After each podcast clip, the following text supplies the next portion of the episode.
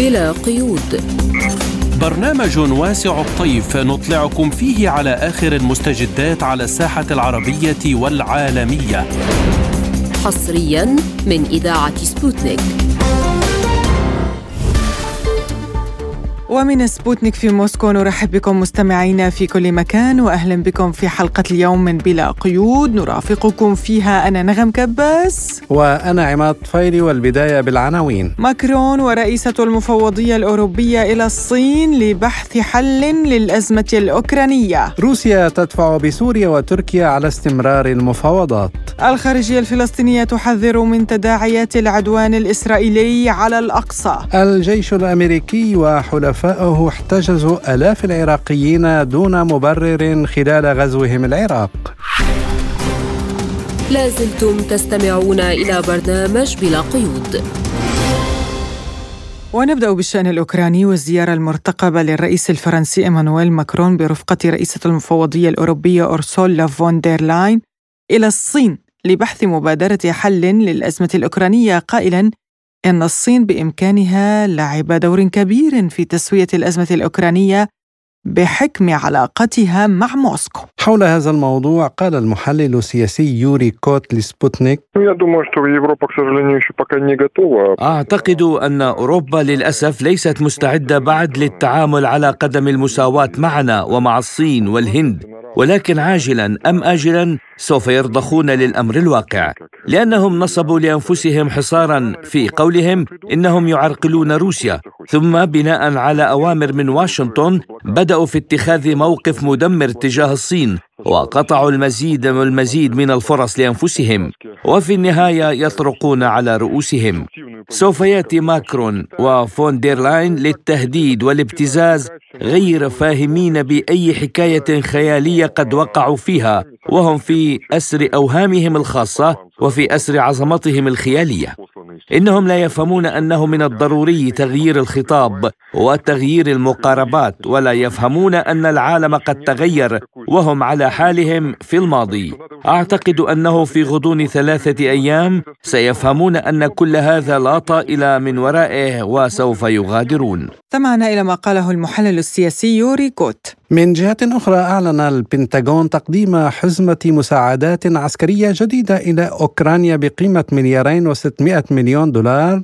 ستشمل توفير ذخائر لمنظومتي باتريوت ونسماس والصاروخيتين وذخائر لقاذفات الصواريخ المتعددة هيمارس وجراد إضافة إلى 23 مليون طلقة نارية للأسلحة الخفيفة فيما نظمت مظاهرة احتجاجية بالقرب من مقر الناتو رفضا لتوريد مزيد من الاسلحه لاوكرانيا. وبهذا الخصوص قال المحلل السياسي ديمتري يفستافيف لسبوتنيك никакого серьезного влияния на ситуацию это иметь не будет. لن يكون لأعمال الاحتجاج أي تأثير جدي على الوضع.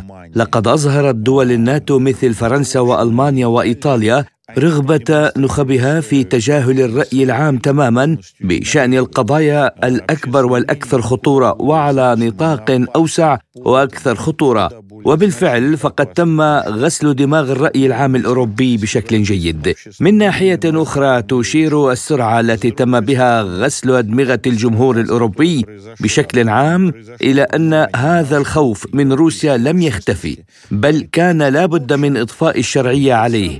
الشيء الوحيد الذي يمكن أن يغير الوضع في أوروبا فيما يتعلق بالحرب في أوكرانيا والصراع مع روسيا حول أوكرانيا هو المشاكل الاجتماعية والاقتصادية الخطيرة للغاية والموجودة في البلدان الأوروبية والتي هي تتراكم وتكبر. كان معنا المحلل السياسي دمتري ستافيف. وللمزيد حول هذا الموضوع ينضم إلينا عبر الهاتف الخبير بالشأن الصيني الأستاذ غسان يوسف أهلا بك أستاذ غسان في بلا قيود. أهلا نغم أهلا وسهلا بك وبالمستمعين الكرام. أبدأ من هذه الزيارة المفاجئة التي أعلن عنها الرئيس الفرنسي مع رئيسة المفوضية الأوروبية إلى الصين. قال بأنهم سيناقشون خطة السلام الصينية بشأن أوكرانيا.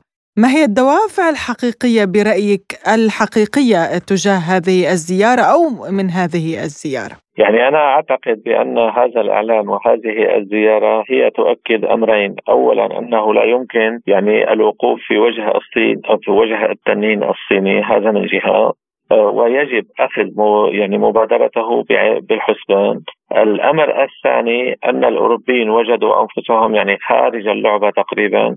فحاولوا من خلال يعني فرنسا ورئيس المفوضية الأوروبية أن يقوموا بمساع حميدة آه، يعني ما بين كل من روسيا وأوكرانيا عن طريق الصين، على كل يعني رغم كل هذا. نعتقد بأن يعني هذه الخطوة هي خطوة جيدة وربما تخفف الاحتقان يعني ما بين الغرب والشرق. آه، وإذا نجح ماكرون في يعني آه، هذه الزيارة باختراق ما أو أنه نجح مثلا في تعاون مع الصين لحل الأزمة الأوكرانية أعتقد أن هذا أفضل للعالم أجمع يعني لا يوجد حدا آه، يعني عاقل في هذا العالم يتمنى مثلا أن تحدث حرب عالمية ثالثة أو أن يتصاعد الصراع آه، أو أن يكون هناك احلاف جديدة. يعني سئمت الناس الحروب والصراعات. وأيضا هذا يؤثر يعني على الاقتصاد العالمي يؤثر على الغذاء العالمي تعرفين مثلا أزمة الحبوب أزمة الغذاء التي نتجت بعد الحرب الروسية الأوكرانية أنا أعتقد يعني بأن كل ما تقوم به آه، سواء أوروبا أو الصين في حال نجح هو امل جيد للعالم أجمع وليس فقط آه، ل آه، يعني آه، روسيا وأوكرانيا. طيب أستاذ غسان برأيك هل يمكن انه يكون الرئيس ماكرون يعول على الضغط على الصين يعني لتأخذ موقف أكثر تشددا من موسكو خصوصا أنه هناك علاقات اقتصادية كبيرة بين الاتحاد الأوروبي والصين بين الولايات المتحدة الأمريكية والصين هل يمكن أن يلعب هذا العامل دور ما؟ لا يمكن يعني لأحد في هذا العالم أن يضغط على الصين لأن العالم هو الذي يحتاج الصين وليس يعني الصين هي التي تحتاج يعني سواء الغرب بشقيه يعني الولايات المتحدة والاتحاد الأوروبي. ولكن أنا أقول لك يعني معروف عن السياسة الصينية بأنها سياسة براغماتية وبأنها تنظر إلى المصالح الاقتصادية آه، للصين. وهذا هو سبب صعود التنين الصيني. والصين بطبعها لا تحب الحروب ولا تحب الصراعات. وهي دائما تنحو منحى السلم. وتعرف بأن الرئيس شي جي بينغ يعني أطلق مبادرة الحزام والطريق في العام 2013 هذه المبادرة آه، لا يمكن لها أن تنجح في حال كان هناك حروب. وتعرف يعني بأن مثلا اليوم هي قامت بمبادرة لحل النزاع السعودي الإيراني. لماذا؟ لأن المبادرة الحزام والطريق تحتاج إلى سلام في منطقة الشرق الأوسط لتنجح. وأيضا يعني مبادرة الحزام والطريق تحتاج إلى الطريق البري يعني بين روسيا وأوكرانيا وأوروبا وحتى الطرق البحرية وحتى الطرق الحديدية وحتى يعني أن يعني الأجواء تحتاج. هذه المبادرة تعرف بأنها ركزت على عوامل كثيرة وهي طرق المواصلات. يعني ولذلك أعتقد بأنها اليوم يعني الصين هي فعلا تحاول أن تكون إيجابية آه، في التعامل مع آه، هذه الحرب. ولذلك يعني إذا حاولت آه، مثلا فرنسا الضغط لا لا يوجد ضغط. حاولت الولايات المتحدة الضغط على الصين حاولوا. وسمعنا تهديدات كثيرة يعني في بداية الحرب. ولكن في الأخير رضخوا إلى أن الصين لا يمكن التعامل معها بهذا الأسلوب. ولذلك يعني هم يذهبون لنوع من الاستجداء ونوع من طرح الشراكة ونوع من طرح تقوية العلاقات الاقتصادية. وأعتقد بأن هذا قد ينجح ولكن لا يمكن أيضا الضغط على روسيا ولا يمكن آه، يعني آه، لهم إلا أن يأخذوا بالحسبان المخاوف الروسية. آه، على كل يعني أنت تعرف بأن المفاوضات بشكل عام دائما يكون فيها السقف عالي ومن ثم يخفض قليلا. ولذلك اليوم يعني هي عبارة عن آه، يعني كما يقال رفع للسقف وفي الأخير سيكون هناك حل تفاوضي يرضي آه، يعني جميع الأطراف. آه، إذا لم نصل إلى هذا الحل وإلى استرضاء يعني الطرفين الروسي والأوكراني والأخذ بهواجس كل من الطرفين ومن خلفهما يعني خلف أوكرانيا تعرف يقف العالم الغربي وخلف روسيا تقف الصين وكل الدول التي لا تريد أن يكون هناك تغول غربي أكثر مما هو ويعني نمو للنيو ليبراليه التي أصبحت يعني تبتلع العالم. اليوم الصين هي التي تقف في وجه هذا التيار وأعتقد بأن هذا قد يساعد إلى إيجاد حل معين لأن يعني في النهاية السلم هو مصلحة للجميع. نعم نتحدث أيضا اليوم عن مظاهرة احتجاجية بالقرب من مقر الناتو آه، ضد توريد أسلحة آه، جديدة أسلحة غربية جديدة لأوكرانيا بعد حزمة كبيرة مخصصة من جديد من قبل البنتاغون لكييف. كيف سيكون رد فعل الحلف على هذه الاحتجاجات؟ يعني هناك رفض لهذه الإمدادات. هل يمكن أن تؤدي هذه الاحتجاجات إلى تغيير في موقف الحلف أو أنها وصل إلى مرحلة لا يستجيب لمطالب الشعب؟ آه نعم بشكل عام يعني أنت تلاحظين يعني هذا اولا هذا حلف عسكري. ثانيا هذا الحلف قام على التوسع. يعني أصبح الآن آه يعني هذا الحلف يضم 31 دولة. وتعرفين كيف توسع يعني على آه، حساب الدول التي خرجت من الاتحاد السوفيتي. ولذلك هم لا يأخذون يعني هذه الهواجس وهذه المظاهرات يعني الغرب متعود على هذه الأصوات. لا بالعكس هو يشجعها.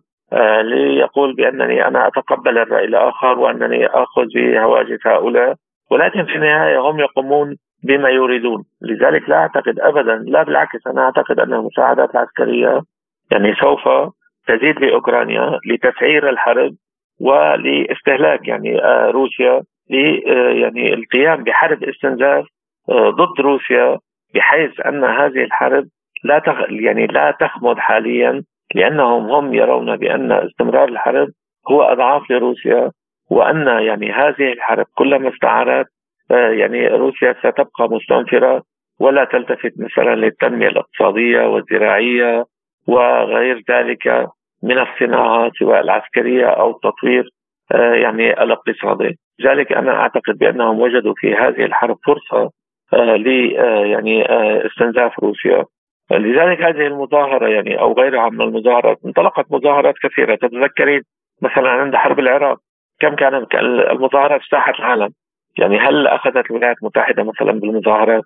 عندما مثلا بدأوا بالحرب على سوريا أيضا كان هناك مظاهرات ولكن لم يعني لم تأخذ الولايات المتحدة آه، بهذه المظاهرات. لا بالعكس يعني افردت آه، لديها الكثير في وسائل إعلامها وقالت يعني بأن هذه المظاهرات هي ضد الحرب ولكن نحن يجب أن نقوم بهذه الحرب لحماية الأمن القومي الأمريكي، لحماية الأمن القومي الغربي، يعني الحفاظ على الديمقراطية في العالم وأي ديمقراطية يعني لاحظت ماذا حدث في العراق وماذا يحدث في مناطق كثيرة من العالم ولكن يعني هذه الذرائع الأمريكية والمبررات والحجج التي يطلقونها ويعني الشعارات التي يطلقونها هم يعرفون بأن يعني القوة هي التي تسيطر وأن يعني آه كل ما آه يعني يرونه في الطرف الآخر يعتبرونه هذا يعبر عن الضعف. يعني المظاهرة برأيهم تعبر عن الضعف والأصوات التي تنطلق هنا وهناك هي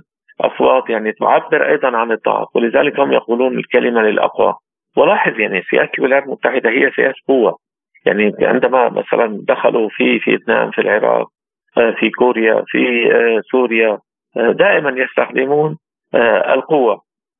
أما وهم يقولون بأن جئنا لنناصر الذين مثلا ينحون منحى ديمقراطي ولنحارب الأنظمة الديكتاتورية. نعم وضحت الفكرة أستاذ غسان. هناك تصريح لافت لرئيس الولايات المتحدة الأمريكي الأسبق بيل كلينتون يعني عبر عن أسافه لإقناع أوكرانيا بالتخلي عن الأسلحة النووية في عام 94 والتوقيع على مذكرة بودابست يعني هل يمكن الحديث عن نوايا واشنطن الإنسانية بين قوسين عندما تصدر مثل هذه التصريحات؟ هلا إيه، يعني هو يريد أن يقول لو كانت الأسلحة النووية بقيت في أوكرانيا لكان هناك يعني توازن رعب مثلا في أوكرانيا وربما لم تكن لتقع هذه الحرب يعني واذا أخذنا هذا بحسن النية. ولكن أنا أقول لك بأن الغرب يعني كان يريد أن يفكك السلاح النووي الروسي وهذا موجود يعني في آه، خطط البنتاغون ويعني الكلام الذي تحدث به الكثير من المنظرين الأمريكيين كبرنارد لويس وزبيغنيو بريجنسكي آه، وهنري كيسنجر ومارتن إنديك آه، يعني كلهم كانوا يتكلمون على الوصول إلى هدف استراتيجي وهو تفكيك الأسلحة النووية الروسية ولديهم الكثير من الأفلام. يعني من صناعة هوليوود كيف وصلوا إلى موسكو وكيف فككوا الأسلحة النووية وهذا موجود. ولذلك يعني هم يتكلم هو بحسرة يعني أنهم يعني في عهد يلتسين كانوا يستطيعون أن يفعلوا أكثر. ولكن مجيء الرئيس بوتين أفشل كل هذه المخططات وعاد التوازن العالمي وعاد يعني العالم إلى عالم متعدد الاقطاب يعني ربما كنا نقول قطبين أما اليوم أصبح عالم فعلا متعدد الاقطاب إذا أخذنا بالحسبان. يعني روسيا، الصين، الدول الصاعدة الأخرى التي تريد أن تنشئ لها كيانا قويا في هذا العالم في وجه يعني التقول الأمريكي. ولذلك يعني هو رئيس أمريكي في النهاية. يعني هو كلينتون يعني من هو؟ هو رئيس آه، يعني أمريكي سواء كان ديمقراطي أو جمهوري. وتعرف يعني الديمقراطيين اليوم من الذي يحكم الولايات المتحدة؟ آه، يعني جو بايدن. وجو بايدن من الحزب الديمقراطي. ولاحظ يعني بأن التسعير يعني في عهد جو بايدن يعني ضد روسيا كان أكثر من عهد ترامب يعني في عهد الجمهوريين. ولكن في النهاية هم يتفقون آه، على اولا أن يعني أن تكون الولايات المتحدة هي سيدة العالم أن تكون الولايات المتحدة وإسرائيل هم فقط من يملكون السلاح النووي ويعني هم لو استطاعوا مثلا أن يفككوا الأسلحة النووية الصينية والروسية وحتى البريطانية والفرنسية يعني لفعلوا والباكستانية والهندية. ولكن يعني أصبح هذا الأمر أمر واقعا. ولذلك هو اليوم يقول لو كانت الأسلحة النووية موجودة في كوريا لكان الغرب أقوى نعم الخبير في الشأن الصيني الأستاذ غسان يوسف كنت معنا من دمشق. شكرا جزيلا لك أستاذ غسان. شكرا جزيلا أستاذ عماد لك وللزميلة نغام وشكرا لمستمعي إذاعة سبوتنيك. لازلتم تستمعون إلى برنامج بلا قيود. وإلى المفاوضات السورية التركية التي انتهت دون التوصل لخطوط عريضة واضحة. حيث اعتبر معاون وزير الخارجية السوري أيمن سوسان أن إعلان تركيا رسميا سحب قواتها من سوريا هو المدخل لإعادة التواصل مع أنقرة وأن تركيا لم تبدي أي مؤشرات إيجابية بخصوص انسحاب قواتها أو محاربة الإرهاب والقضاء عليه في شمال غربي البلاد مضيفا أنه ليس من حق أي دولة التدخل العسكري في أراضي دولة أخرى. وفي حال وجود خطر إرهابي يفترض التنسيق مع الدولة المعنية لمواجهة ذلك. بدورها أعلنت وزارة الخارجية الروسية أن نواب وزراء خارجية روسيا وإيران وسوريا وتركيا اتفقوا خلال الاجتماع الرباعي على استمرار الاتصالات، حيث قال وزير الخارجية الروسي سيرجي لافروف إن شعبي تركيا وسوريا مرتبطان بقرون من التاريخ المشترك والدين والثقافة والجغرافيا مما يجعل تنمية علاقات حسن الجوار متبادله المنفعة بين البلدين بلا منازع. ولكن لا يمكن حل جميع القضايا في اجتماعين أو ثلاثة اجتماعات وأن عملية التطبيع ستستغرق الكثير من الوقت داعيا الوزير الجانبين السوري والتركي إلى إبداء أقصى قدر ممكن من المرونة والبناء. وللخوض أكثر في هذا الموضوع ينضم إلينا عبر الهاتف من إسطنبول الخبير بالشأن التركي الدكتور فراس رضوان أوغلو. أهلا بك دكتور فراس في برنامج بلا قيود ودعني أبدأ من هذه المفاوضات. هل سيتمكن المشاركون في هذه العملية من التوصل إلى توافق خاصة وأننا نرى آه، أن تركيا لم تعترف ب آه، يعني احتلالها لبعض أراضي سوريا أو آه، تعلن انسحابها وهي نقطة الخلاف الانسحاب من الأراضي السورية. هو مجرد يعني جلوس الطرفين هو أنا أظن إعلان بانتهاء حاله الخصومة أو الحرب أو الخلاف أو الانقطاع السياسي بين الطرفين، هذا أعتقد أعتقد إنه خطوة إيجابية أولى نحو كسر الحاجز بين الطرفين. خلاف في الرؤية في الملف السوري طبعا هو معروف مختلف جدا. 180 درجة في اختلاف آه، بين الطرفين. لكن التفاصيل هو في الجلوس بين هذه اللجان أظن هو الذي سيبدأ بحل العقد آه، رويدا رويدا. لأن أيضا لا يمكن أظن أن كلا الطرفين أن يعطيا كل شيء مرة واحدة أو يفرضا شيء مرة واحدة، لذلك أظن هذا يعني هذا الأمر يحتاج إلى وقت. وسينعكس طبعا هذا على كل الأمور. يعني التواجد العسكري، الموضوع السياسي في الداخل سوريا مثلا دعم تركيا للمعارضه، إخراج العناصر الإرهابية، مسائل تسلط السلاح يعني كثير من الأمور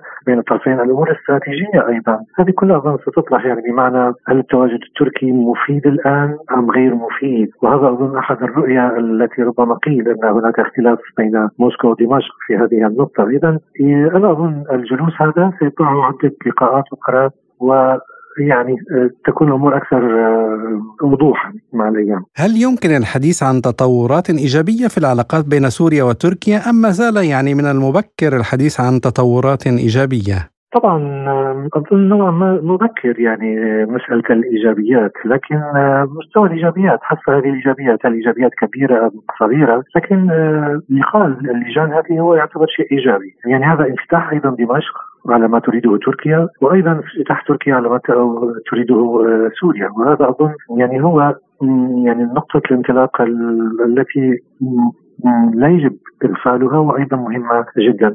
التواجد التركي هذه النقطة هي ستبقى بين قراءتين. هل التواجد هذا استراتيجيا أفضل؟ لأن هناك عنصر ثالث وهو يعني أو الرابع لنقول الولايات المتحدة الأمريكية.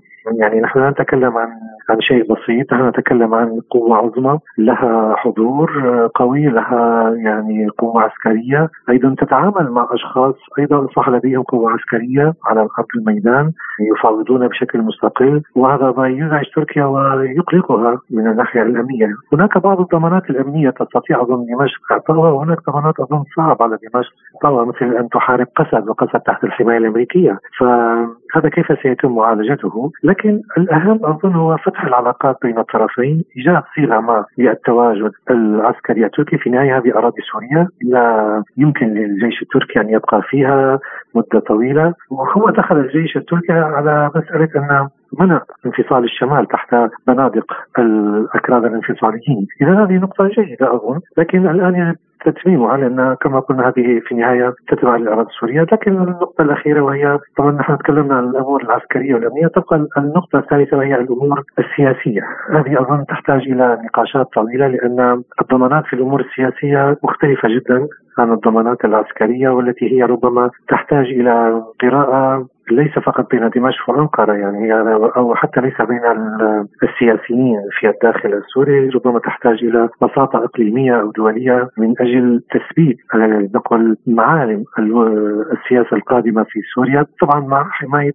أمور ثلاث هي وحدة الأراضي السورية مركزية دمشق واستقلالية سوريا بشكل أو بآخر على جميع الصعيدة. نعم دكتور فراس يعني روسيا هي وسيط. بين تركيا وسوريا.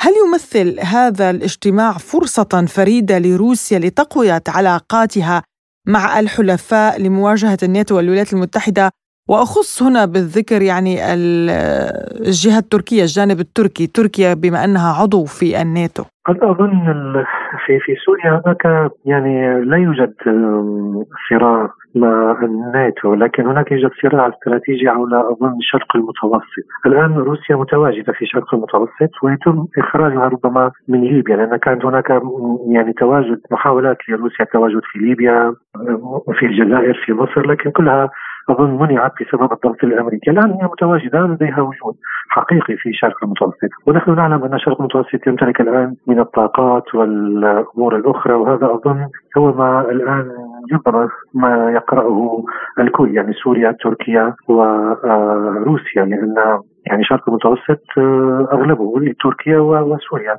الاثنين يعني هم الأضخم طبعا مع تواجد لبنان وفلسطين آه، وإسرائيل في تلك المناطق لكن المشترك بين سوريا وتركيا وهذا أظن نقطة مهمة جدا وهذا ما تسعى أظن القراءة القادمة. طبعا تكون حدودك آمنة لا يكون هناك ضغط لا يكون هناك مشاكل اقتصادية. يعني أنا أظن فتح العلاقات بين الطرفين مهم جدا أيضا بالنسبة لسوريا. يعني تركيا تعتبر بوابة الأهم يعني إذا قرأت المشهد من الناحية الاقتصادية. لذلك يعني تركيا مشروع مستقبلي مهم جدا لسوريا لإنعاش الاقتصاد بشكل كبير، طبعا إذا تكلمنا عن روسيا التي هي وسيط في كل هذه الأمور التي بحثنا فيها سواء في السياسة والأمن والعسكر والأمور العسكرية وسيكون أيضا اظن في الأمور الاقتصادية. وطبعا هذا سيعزز الأمور بين الأطراف. لكن مواجهة مع الناتو اظن الآن هي مواجهة مع الغرب أكثر من الناحية الاقتصادية في مسألة الشرق المتوسط والمواجهة مع الناتو معروفة مسألة فنلندا والسويد وأوكرانيا. الخبير بالشأن التركي الدكتور فراس رضوان أوغلو كنت معنا من إسطنبول شكرا لك. وللمزيد أيضا مستمعينا حول هذا الموضوع ينضم إلينا من دمشق المحلل السياسي الدكتور طالب إبراهيم. أهلا بك دكتور طالب في بلا قيود وأبدأ من هذا الرفض التركي للانسحاب من الأراضي السورية ما السبب برأيك؟ تركيا لها مطامع تاريخية قديمة في الأراضي السورية وقبل سيطرة الإرهابيين على محافظة حلب اجتمع كان فيدان رئيس مخابرات التركية بقادة الفصائل الإرهابية وكان بيديه خريطة لسوريا ورسم دائرة حول مدينة حلب وقال هذه لنا وسنستعيدها وبعدها سنساعدكم على استلام سوريا كلها هذه معلومة استخبارية مؤكدة. هذا جزء راسخ من العقيدة السياسية والعسكرية والاستراتيجية التركية أن هذه المناطق هي عائدة لهم. انظري مثلا قبر سليمان شاه. جعلوا منه مسمار جحا كما نقول في العامية. رفضوا نقله إلى تركيا رغم عرض السلطات السورية نقله عندما كان يتم بناء سد الفرات. حيث غمرت المياه الضريح القديم وقام السوريون بنقله. فأصرت تركيا على بقائه ضمن الأراضي السورية. وسليمان شاه هو والد أرطغرل وأرطغرل هو والد عثمان الأول. لذلك المطامع واضحة وواضحة جدا وجلية ويخطئ أي شخص أو جهة يعتقد أن الأتراك سينسحبون هكذا بهذه السهولة من الشمال السوري. يعتقدون أنهم تمكنوا من قضم هذه القطعة من الأرض السورية وهي جزء من موروثهم التاريخي كما يتبجحون ولن يعودوا بهذه السهولة لديهم جماعات إرهابية مقاتلة تدعمهم وتقف معهم وهذا كان خطأ استراتيجي كبير وقعت به روسيا والقيادة السورية عندما وافقوا على ترحيل الإرهابيين إلى ادلب وهم أزلام آه، الاستخبارات التركية. الموقف كما قال لافروف صعب بل أضيف إلى ما قاله السيد لافروف أنه معقد ومعقد جدا جدا وقد يتحول شمال سوريا إلى شمال قبرص أخرى وقد يكون فاتحة لسلسلة من الحروب إذا لم يتم الضغط بصورة كبيرة على التركي للانسحاب من الشمال السوري. وأعتقد أن الرئيس الأسد لم يكن يضع شروطا مسبقة على العملية، كان يعلم ما سيدور بخلد التركي عندما قال لن نلتقي وأعتقد أنه من غير المنطقي أو العقلاني أن يلتقي وزيراء الخارجية في البلدين.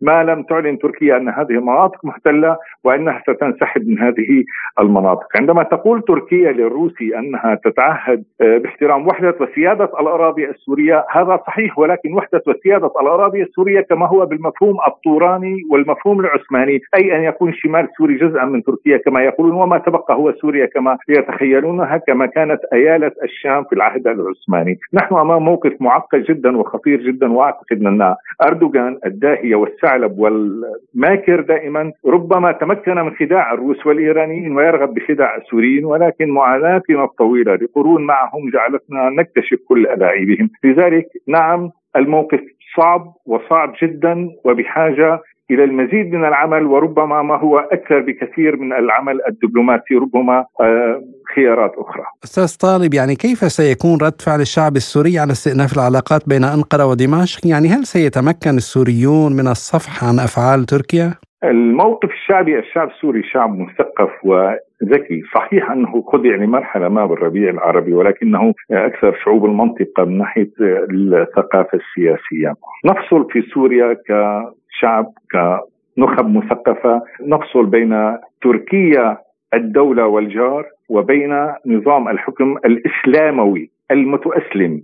الذي يقوده أردوغان. نريد أفضل العلاقات مع تركيا وإذا ما انسحبت تركيا من الأراضي السورية وأوقفت دعم الجماعات الإرهابية فاننا نعتقد أن الجذر الأساسي للخلاف والمشكلة قد تحل، مسألة السطح عن بين الدول هذه مسألة ربما ليست واردة حتى بأي سياق منطقي ولكن بين الأفراد أو بين ربما الجماعات البشرية، لا يمكن السطح عن أردوغان وجرائمه وما فعله، كان قادرا تماما على ايقاف 90% من العنف في سوريا لو أغلق حدوده في وجه الإرهابيين ولم يسمح لهم بالعمل كما يريد في الشمال السوري. كان قادرا على اتباع سياسي بناء تقوم على دعم حوار بين القيادة السورية وبين الجماعات التي مولتها الولايات المتحدة الأمريكية وبريطانيا وفرنسا وإسرائيل والعرب ودفعوا بهذه الثورة على سوريا. كان قادرا أن يلعب ذلك الدور الحيادي الذكي وأن يكسب التاريخ ويكسب محبة الشعب والقيادة في سوريا. هذا الرجل لا يمكن في حال من الأحوال وإلى يوم القيامة وحتى يرسل الله الأرض والسماوات الثقة به على الإطلاق ولكن عندما يقوم بأفعال سنثق بالأفعال وبالوقائع ديفاكتو على الأرض. ببساطة لا يمكن الصفح أو النسيان لما فعله ولكن تركيا في نهاية المطاف هي جار وجار عزيز وجمعنا تاريخ كثير وهناك العديد من الوشائج الأخلاقية والسكانية والإنسانية بيننا وبينهم ويجب التفريق بدقة بين نظام حكم خطف تركيا وأخذها من علمنتها وعقلنتها نحو الدعشنة وبين تركيا الأمة والدولة. المحلل السياسي الدكتور طالب إبراهيم شكرا جزيلا لك على هذه المداخلة. لازلتم تستمعون إلى برنامج بلا قيود.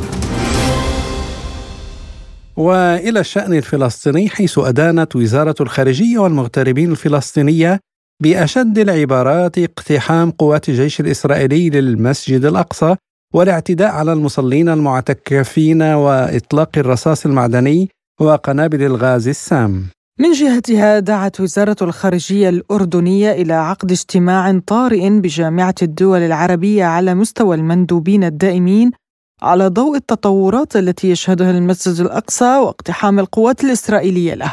فيما أعلنت هيئة شؤون الأسرى الفلسطينية أن القوات الإسرائيلية اعتقلت حتى الساعة الخامسة من فجر اليوم نحو 400 فلسطيني من داخل المسجد الأقصى نقلوا جميعهم بالحافلات إلى مركز عطروط الأمني الإسرائيلي للتحقيق معهم. واقتحم جنود إسرائيليون المسجد الأقصى وقاموا بالاعتداء بشكل وحشي على المعتكفين فيه ما أسفر عن إصابة عدد من المواطنين الفلسطينيين وسط حالة من التوتر الشديد في مدينة القدس. وللاطلاع أكثر على آخر تطورات الأوضاع هناك إليكم ما يقوله لبرنامجنا مراسل سبوتنيك في فلسطين أجود جردات. القدس تتصدر الأحداث في رمضان. تصعيد قد يفجر الأوضاع بعدما أقدمت القوات الإسرائيلية على اقتحام المسجد الأقصى والاشتباك مع المعتكفين والمرابطين بداخله مما أدى إلى إصابة قرابة المئة بالضرب والاختناق واعتقال المئات من المواطنين. ودمار كبير داخل المسجد عقبه إخلاء عقبه إخلاء للمصلين والسماح للمستوطنين في اقتحام باحات الأقصى بالتزامن مع عيد الفصح اليهودي الذي دعت فيه جماعات استيطانية إلى ذبح القرابين داخل باحات المسجد الأقصى. وخارج المسجد هب الفلسطينيون في مسيرات غاضبة واحتجاجات ومواجهات مع الجيش الإسرائيلي عند نقاط التماس وفي قطاع غزة. أطلقت فصائل المقاومة عدة صواريخ باتجاه مستوطنات الغلاف. وفي ظل ما يحدث من تصعيد خطير في مدينة القدس والضفة الغربية تتأهب فصائل المقاومة في الضفة الغربية وقطاع غزة لاحتمالية مواجهة عسكرية قريبة خاصة وأن القوات الإسرائيلية بدأت في فرض قيود على أبواب المسجد الأقصى ومنع دخول الفلسطينيين إليه. كان معنا مراسل سبوتنيك في فلسطين أجود جردات. وللتعليق على هذا الموضوع قال أستاذ القضية الفلسطينية في جامعة القدس المفتوحة الدكتور أسعد العويوي بلا قيود. المشهد الذي يحدث في المسجد الأقصى ومدينة القدس بالتحديد وفي معظم مناطق الضفة الغربية آه، يعكس حالة الاحتقان عند اليمين الفاشي الإسرائيلي الذي آه، يحاول أن يستفز الفلسطينيين في أقدس مكان لهم في فلسطين وثالث أقدس مكان للمسلمين في العالم. وهذه الحكومة اليمينية الفاشية ذاهبة نحو التصعيد وتحقيق أجندات خاصة لها لها علاقة بفرض التقسيم الزماني والمكاني وإقامة الشعائر الدينية التلمودية اليهودية في المسجد الأقصى وجعلها أمر واقع على الفلسطينيين. حتى في ظل آه، شهر رمضان المقدس المميز عند المسلمين الذي يؤم مئات آلاف وعن أسباب هذه الهجمات بعدما اتفقت إسرائيل وفلسطين في وقت سابق على وقف العنف على الأقل في شهر رمضان المبارك يقول العويوي. منذ اللحظة الأولى للاتفاق واجتماع العقبة من ثم اجتماع شرم الشيخ لم تلتزم الحكومة اليمينية الفاشية الإسرائيلية بأي اتفاق. مجرد ما انتهى الاجتماع هي استمرت في عمليات التنكيل والبطش وقتل الفلسطينيين في كل مكان. في القدس وفي كل مكان. من أقصى شمال الضفة الغربية إلى أقصى جنوبها مرورا بالعاصمة القدس. وبالتالي الجانب الإسرائيلي لم يلتزم بالهدوء. لا بشهر رمضان ولا غير شهر رمضان.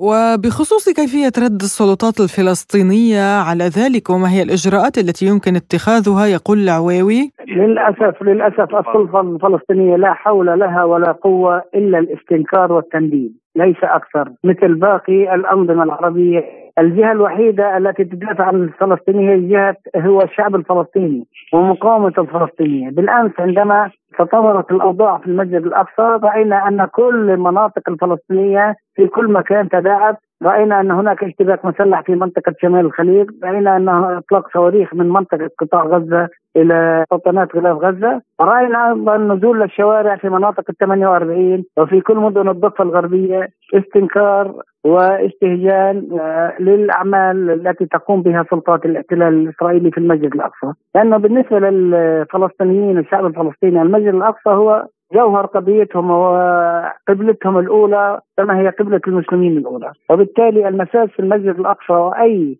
فرض أمر واقع جديد عليه. هذا خط أحمر بالنسبة للشعب الفلسطيني. لا يمكن أن يكون ساكتا ومنددا فقط إلا أن له فعل مقاوم من خلال الفعل الشعبي الجماهيري. استمعنا إلى ما قاله أستاذ القضية الفلسطينية في جامعة القدس المفتوحة الدكتور أسعد العويوي. بدوره يقول الناشط الحقوقي والاجتماعي المحامي فارس أبو حسن لبرنامجنا عن قراءته لما يجري في المسجد الأقصى وصمت المجتمع الدولي أمام ذلك. الهمجية الإسرائيلية والانتهاكات الإسرائيلية اللي تتعلق في المقدسات هي يعني ليست حديثة. المشكلة إنه آه، يعني في الآونة الأخيرة ازدادت بشكل يعني كبير جدا وبشراسة. كان بالأمس يعني منظر آه، تصوير آه، تم تناقله عبر كثير من محطات الإخبارية وسائل التواصل الاجتماعي لعملية فض لأشخاص مصلين. يعني وهم يقوموا بأداء صلواتهم في المسجد الأقصى قاموا بالاعتداء عليهم وضربهم ومنعهم من أداء أداء صلاتهم. يعني لا يوجد تعبير لا يوجد لغة لا يوجد يعني ك صراحة إنه يعني ما يعني الاتفاق في الاجتماعات اللي حصلت في العقبة وفي شرم الشيخ كان الهدف منها هو تهدئة يعني الوضع الفلسطيني أو ضبط الشارع الفلسطيني. أكثر منه إلزام الإسرائيليين باحترام شهر رمضان. طبعا هذا واضح من يعني الإجراءات الإسرائيلية سواء في المسجد الأقصى أو في مختلف مدن الضفة الغربية من اعتقالات ومن اقتحامات ومن قتل للشباب وإعدام لكثير من الناس المواطنين المسالمين لم تهدأ من الجانب الإسرائيلي. فللأسف إنه يعني الضغط الدولي أو الاجتماعات هاي فقط هي تحاول إلزام الشعب الفلسطيني أو السلطة الفلسطينية بضبط الأوضاع. إيه، حقيقة يعني واضح أخي الكريم والسادة المستمعين بإنه الحكومة اليمينية المتطرفة هي من تحرك الأوضاع حاليا. والله آه، يعني قبل الحديث عن المجتمع الدولي هناك أردنية فيما يتعلق بالمقدسات الفلسطينية، الشعب الفلسطيني يتطلع إلى أن تلعب المملكة الأردنية الهاشمية دورا في لجم هذا الاحتلال ويعني منعه من التمادي في ما يقوم به من ممارسات في الحرم القدسي الشريف، هذا في الإطار الأول، آه، في الإطار الثاني فيما تحدثت به بالنسبة للمجتمع الدولي، أخي الكريم المجتمع الدولي عندما ينظر إلى الشعب الفلسطيني ويجده آه، منقسما على نفسه آه، سيكون يعني بكل تأكيد دوره في دعم القضية الفلسطينية ليس كالسابق، الأصل أن يتوحد الفلسطينيون قبل أن ينادوا المجتمع الدولي بالتدخل ل يعني لجم هذا الاحتلال ومنع من ومنعه من الانتهاكات الإسرائيلية المتكررة بحق المواطنين الفلسطينيين والمقدسات، وطبعا إحنا أيضا يعني نظرتنا إلى الدول العربية الشقيقة بأن يعني تعاود دورها الفعال في القضية الفلسطينية خاصة وأن القدس والأقصى والمقدسات الإسلامية والمسيحية ليست ملك للشعب الفلسطيني وحده بل هي للأمة الإسلامية والعربية. كان هذا رأي الناشط الحقوقي والاجتماعي المحامي فارس أبو حسن. لازلتم تستمعون إلى برنامج بلا قيود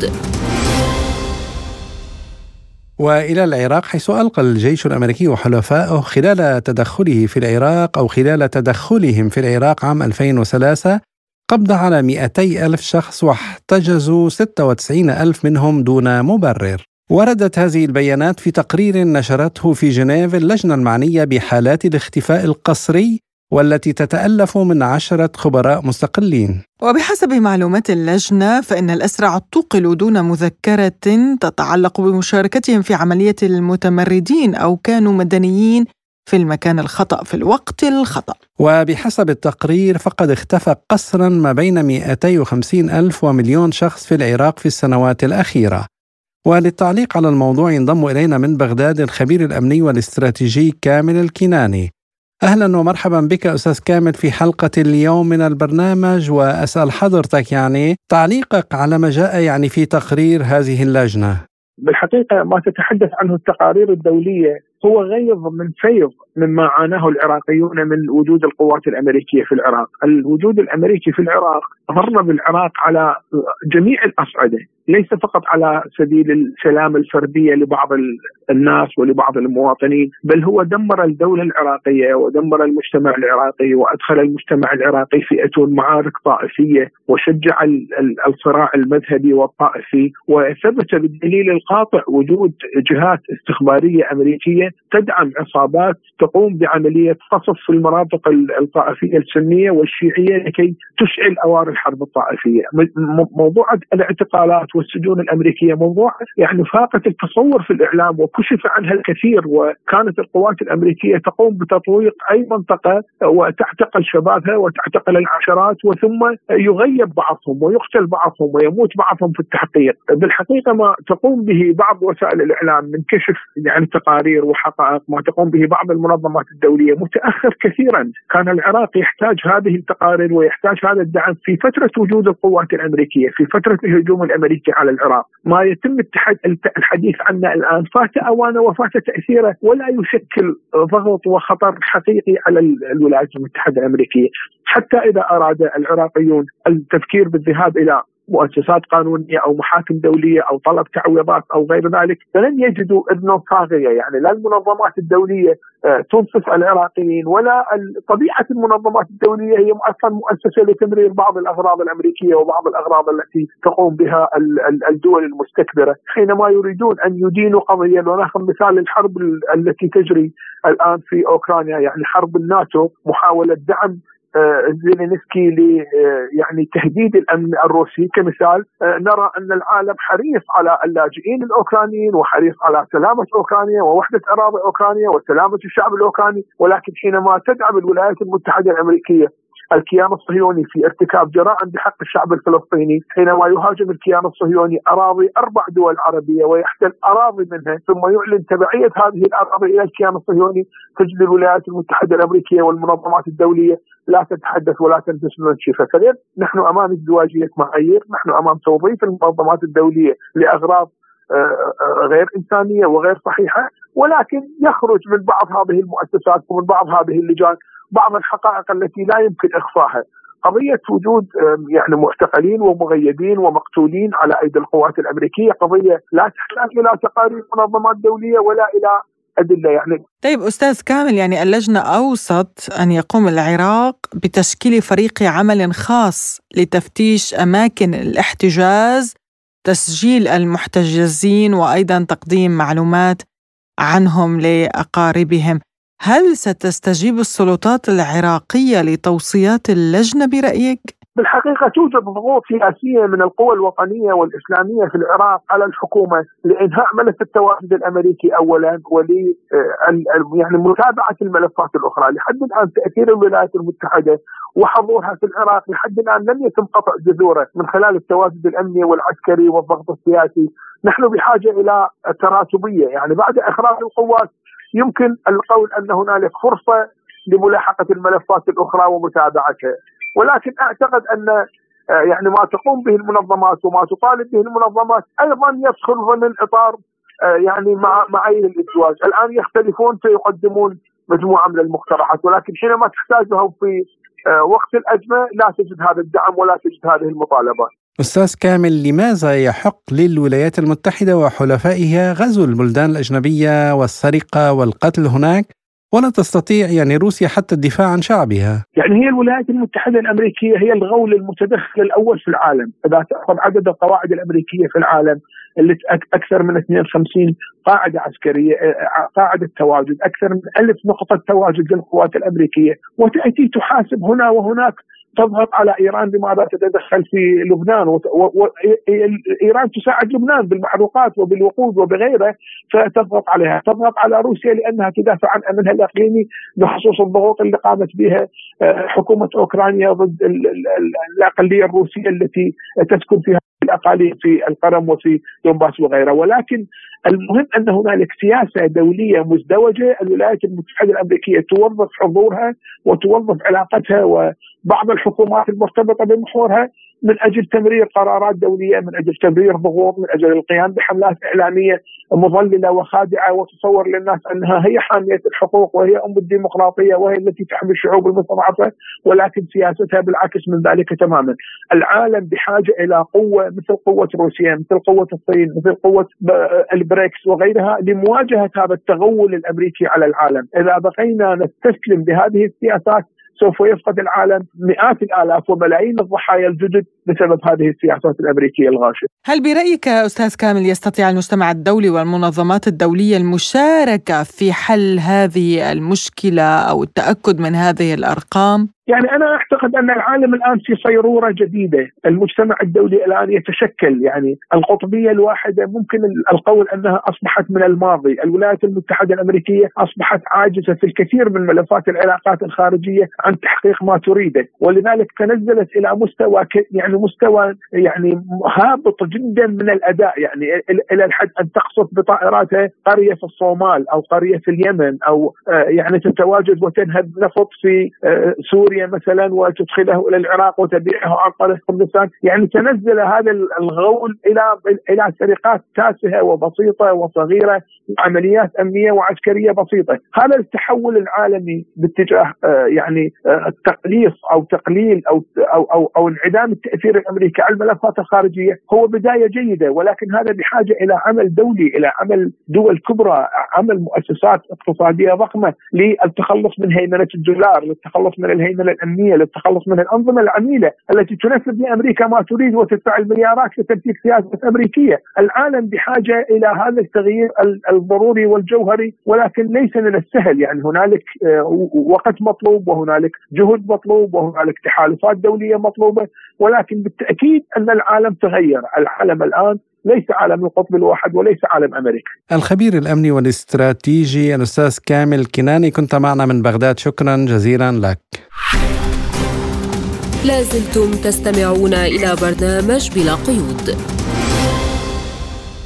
ونبقى أيضا في العراق ولكن إلى الجانب الاقتصادي حيث توصلت السلطات المركزية في بغداد وحكومة إقليم كردستان العراق المتمتع بالحكم الذاتي إلى اتفاق بشأن تصدير النفط من هذه المنطقة الواقعة شمالي البلاد.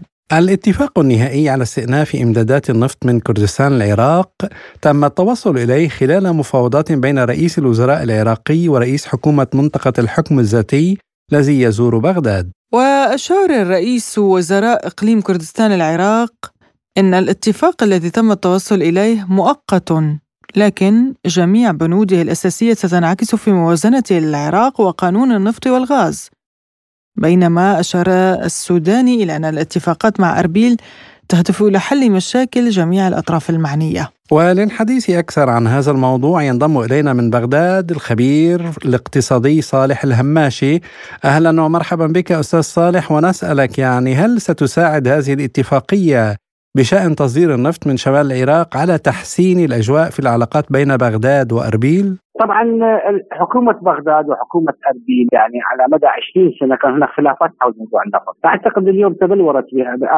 آخر بعد المحكمة باريس فكرة جديدة. والآن هي في طور اتفاق. سيكون هناك اتفاق آه، حول موضوع تصدير النفط خاصة وان الجانب التركي يلعب دور في هذا الموضوع على اعتبار أن التصدير حيكون عن طريق الجانب عن طريق الأراضي التركية. أعتقد الأوضاع بدات تتحلحل بشكل واضح خاصة أن الإقليم أصبح أمام أمر واقع أنه لا يستطيع أن يتصرف بالنفط في مفردة بعد عن حكومة بغداد. اليوم شارك حكومة بغداد بهذا الموضوع. لكن النسب أو ما زال اختلاف فقط الآن الاختلاف فقط على موضوع النسب والكميات التي تسلم إلى المركز والكميات التي تكون إلى الإقليم وكذلك نسبة الديون هناك ديون ومستحقات الشركات اللي عاملة في كردستان يعني هناك ديون تصل إلى حوالي 16 مليار دولار أيضا فأعتقد هذه الاتفاقيات الآن في في حلحلة. اتفاق وأعتقد إنه سيكون خلال الأيام القادمة خاصة بعد زيارة المسرور إلى بغداد أعتقد الاتفاق تبلور وأنتهى سيعلن قريب اتفاق كامل. ستستفيد جميع الأطراف من هذا الاتفاق. أعتقد حكومة بغداد لن لن تكون متزمتة تجاه هذا القرار وأوضح السيد السوداني بهذا الموضوع. وكذلك السيد مسرور أيضا أيقنوا أنهم لا يستطيعون تستخدم عن بغداد. ماذا عن مشاريع النفط والغاز بين الجانبين أستاذ صالح يعني هل سيتم تطويرها؟ بقيت مسألتين فقط هي مسألة الديون ومسألة النسبة التي ستحصل عليها بغداد. أعتقد 250 ألف برميل يوميا أصبح بها تعديل. حكومة تقدير قزان مصرة على 250 أعتقد بالنهاية ستوافق حكومة بغداد على 250 ألف برميل يوميا إلى بغداد. والباقي مع الديون. تبقى مسألة الديون المستحقات الشركات ستكون من نسبة التوزيع حتى تقريب كردستان. هذا متفق عليه حاليا. لكن أستاذ صالح على رغم يعني الاتفاق الموقع لكن يبقى هناك خلافات بين العراق وكردستان بقيت دون حل. يعني ما هي برأيك؟ يعني هناك آه، مسألة قانون النفط والغاز يعني هذا هذا لحد هذه اللحظة يعني هم يحاولون أن يتوصلون إلى إلى صيغة نهائية لهذا. أعتقد قانون النفط والغاز هو الذي سيحل جميع المشاكل. آه، لكن يحتاج صياغة واضحة ودقيقة لا يكون بصيغه آه، فاضله قابلة للتأويل كالدستور العراقي. لهذا الآن متاخرين بصياغه هذا القانون حتى يكون واضح ودقيق ويحفظ حقوق الجميع. وأعتقد هناك اتفاقيات حول موضوع موضوع حكومة بغداد تحاول أن ان ان أن, تقنع اقليم كردستان بأن تكون هناك مصافي تابعه للحكومة المركزية داخل الإقليم، الإقليم لا, يمانع بهذا الموضوع ضمن ضمن نسب معينة وضمن شروط معينة، الاتفاق حول المصافي، لأن العراق وزاره النفط تسعى للوصول إلى إنتاج نفطي صادرات النفط المشتقات النفطية عالميا، ترى في إقليم كردستان أيضا ارخص للاستثمار بهذا الموضوع، وأن تكون منح شهادات الاستثمار من حكومة بغداد تكون نسبة لحكومة بغداد للمصافي التي ستبنى أو ستنشأ داخل داخل الاقليم. هل يساعد هذا الاتفاق أستاذ صالح على تحسين الوضع الاقتصادي والظروف المعيشية للعراقيين؟ هذا الموضوع لا يمكن التكهن به لأن هذا الموضوع يدخل بعده عوامل أسعار النفط السياسة المالية تتبعها الدولة يعني إذا نتكلم على موضوع تحسين الوضع الاقتصادي للمواطن سواء في إقليم كردستان أو حتى على مستوى العراق بصورة عامة. هذا يعتمد على سياسة الدولة وسياستها الاقتصادية، اليوم تعاني المشكلة يعني هناك مشكلة داخل المجتمع العراقي.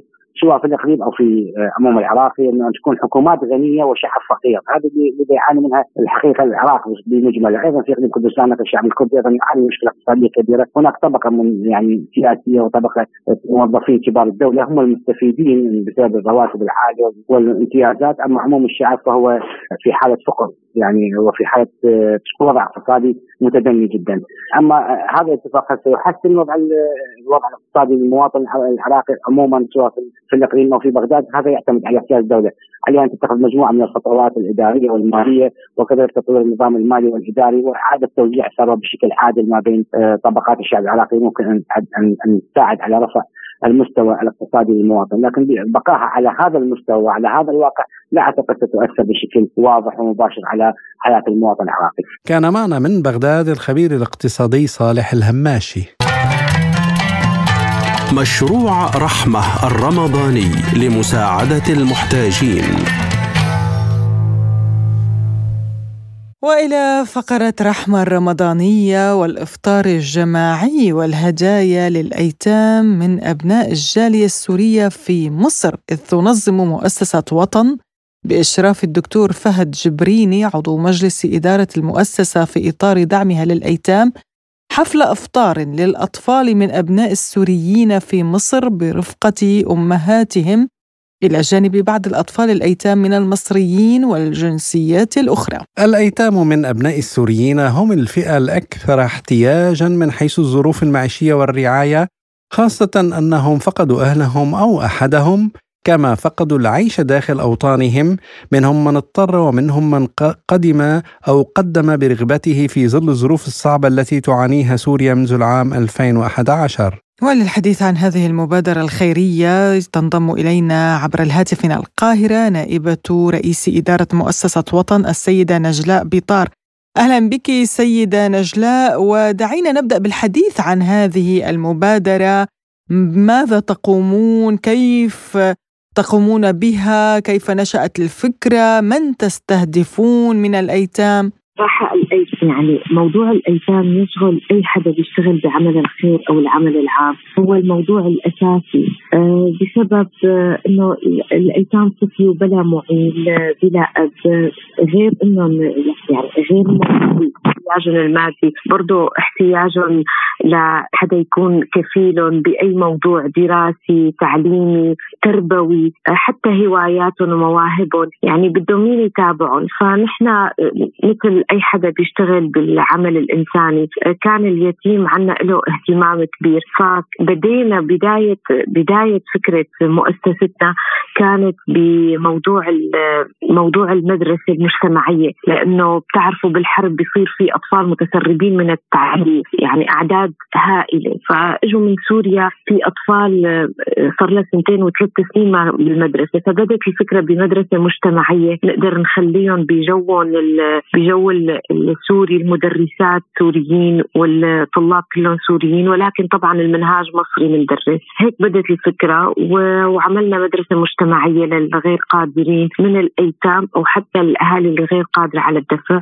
وبعدين بدت ببذرة المدرسة المجتمعية وشوي شوي كبرت وصارت مؤسسة اللي هلأ فيها ست نشاطات. واليتيم طبعا دائما بيكون له فيها بكل نشاطاتنا يعني نحن عندنا نشاط تدريبي نشاط مهني نشاط تثقيفي كل النشاطات اليتيم له الحصة الأكبر فيها والأساس. ما هي النشاطات المتنوعة التي تقومون بها خلال هذا الشهر الفضيل؟ نحن بنحاول دائما يعني بنحاول دائما يكون تواصلنا مع اليتيم تواصل مستمر ودائم مو بس بشهر رمضان. ولكن بشهر رمضان هو شهر الخير والبركة. نحن مشان نفرحهم ونحسسهم إنه هن مع وسط أهلهم وسط ناسهم فبنجمعهم وبنجمع عدد كبير مثل ما شفتوا بالصور يعني نحن كنا جامعين شيء 90 يتيم فجمعناهم واخذناهم على مطعم قدمنا لهم افطار جماعي مع أمهاتهم وبعد اخذناهم مدينة الملاهي آه، يلعبوا قدمنا لهم هدايا ورح نعمل هذا الافطار مرة ثانية ودائما بنحاول نكونوا عندهم طبعا دائما في توزيع سلال غذائية لهم في قسائم وهلأ لما يجي العيد نحن عندنا معرض دائم بمؤسستنا مؤسسة وطن في معرض دائم خيري. هلأ قبل العيد بقى بيجوا بياخذوا ملابس العيد. كم عدد الأطفال سيدة نجلاء الذين آه، تقوم مؤسسة وطن؟ بكفالتهم لغاية اليوم. إحنا عندنا 500 يتيم وعندنا أنواع الكفالات كفالات متنوعة كفالات جزئية أو كفالات كاملة. يعني في ناس الأهالي مثلا عمهم أو كذا مقتدر فبتكون كفالته ممكن جزئية كفالة تعليمية أو كفالة. وفي أطفال غير قادرين تماما بتكون كفالتهم كفالة شاملة تعليم صحة كل شيء كل شيء بنقدر نكفلهم فيه. فهن هل تتلقون دعم من جهات سواء حكومية أو فردية خاصة؟ دعم آه، مو حكومي طبعا لا الدعم من آه، من منظمات كمان المنظمات اللي بتشتغل بالشأن العام. طبعا يعني اليتيم برضه له جزء كبير من من عمله. فالمنظمات الدولية اللي بتشتغل بشؤون يعني نحن نعتبر نعمل بمضمون مجال اللاجئين. فطبعا كل المنظمات اللي بتشتغل بمجال اللاجئين مثلنا نتعاقد معهم مفوضية اللاجئين ال IOM منظمة الهجرة الدولية منظمة Save the Children كاريتاس كل المنظمات الدولية اللي بتشتغل للاجئين نتعاون معها بموضوع اليتيم لأنه طبعا برضه هن اليتيم له أهمية عندهم وعندنا مبادرات فردية من رجال أعمال من السوريين الموجودين على مصر القادرين على كفالات الأيتام. فالكفالات يعني المنظمات الدولية بتقوم بمشاريع للأيتام مش مشاريع تدريبية بالمدرسة مشاريع. ولكن الكفالات هي من رجال أعمال سوريين بمصر أو مصريين برضو بيصير في كفالات للأيتام. نائبة رئيس إدارة مؤسسة وطن للأعمال الخيرية السيدة نجلاء بيطار. شكرا جزيلا لك على هذه المداخلة. مستمعينا الكرام إلى هنا تنتهي حلقة اليوم من البرنامج. قدمناه لكم أنا عماد الطفيلي. وأنا نغم كباس. وشكرا لإصغائكم وإلى اللقاء. إلى اللقاء.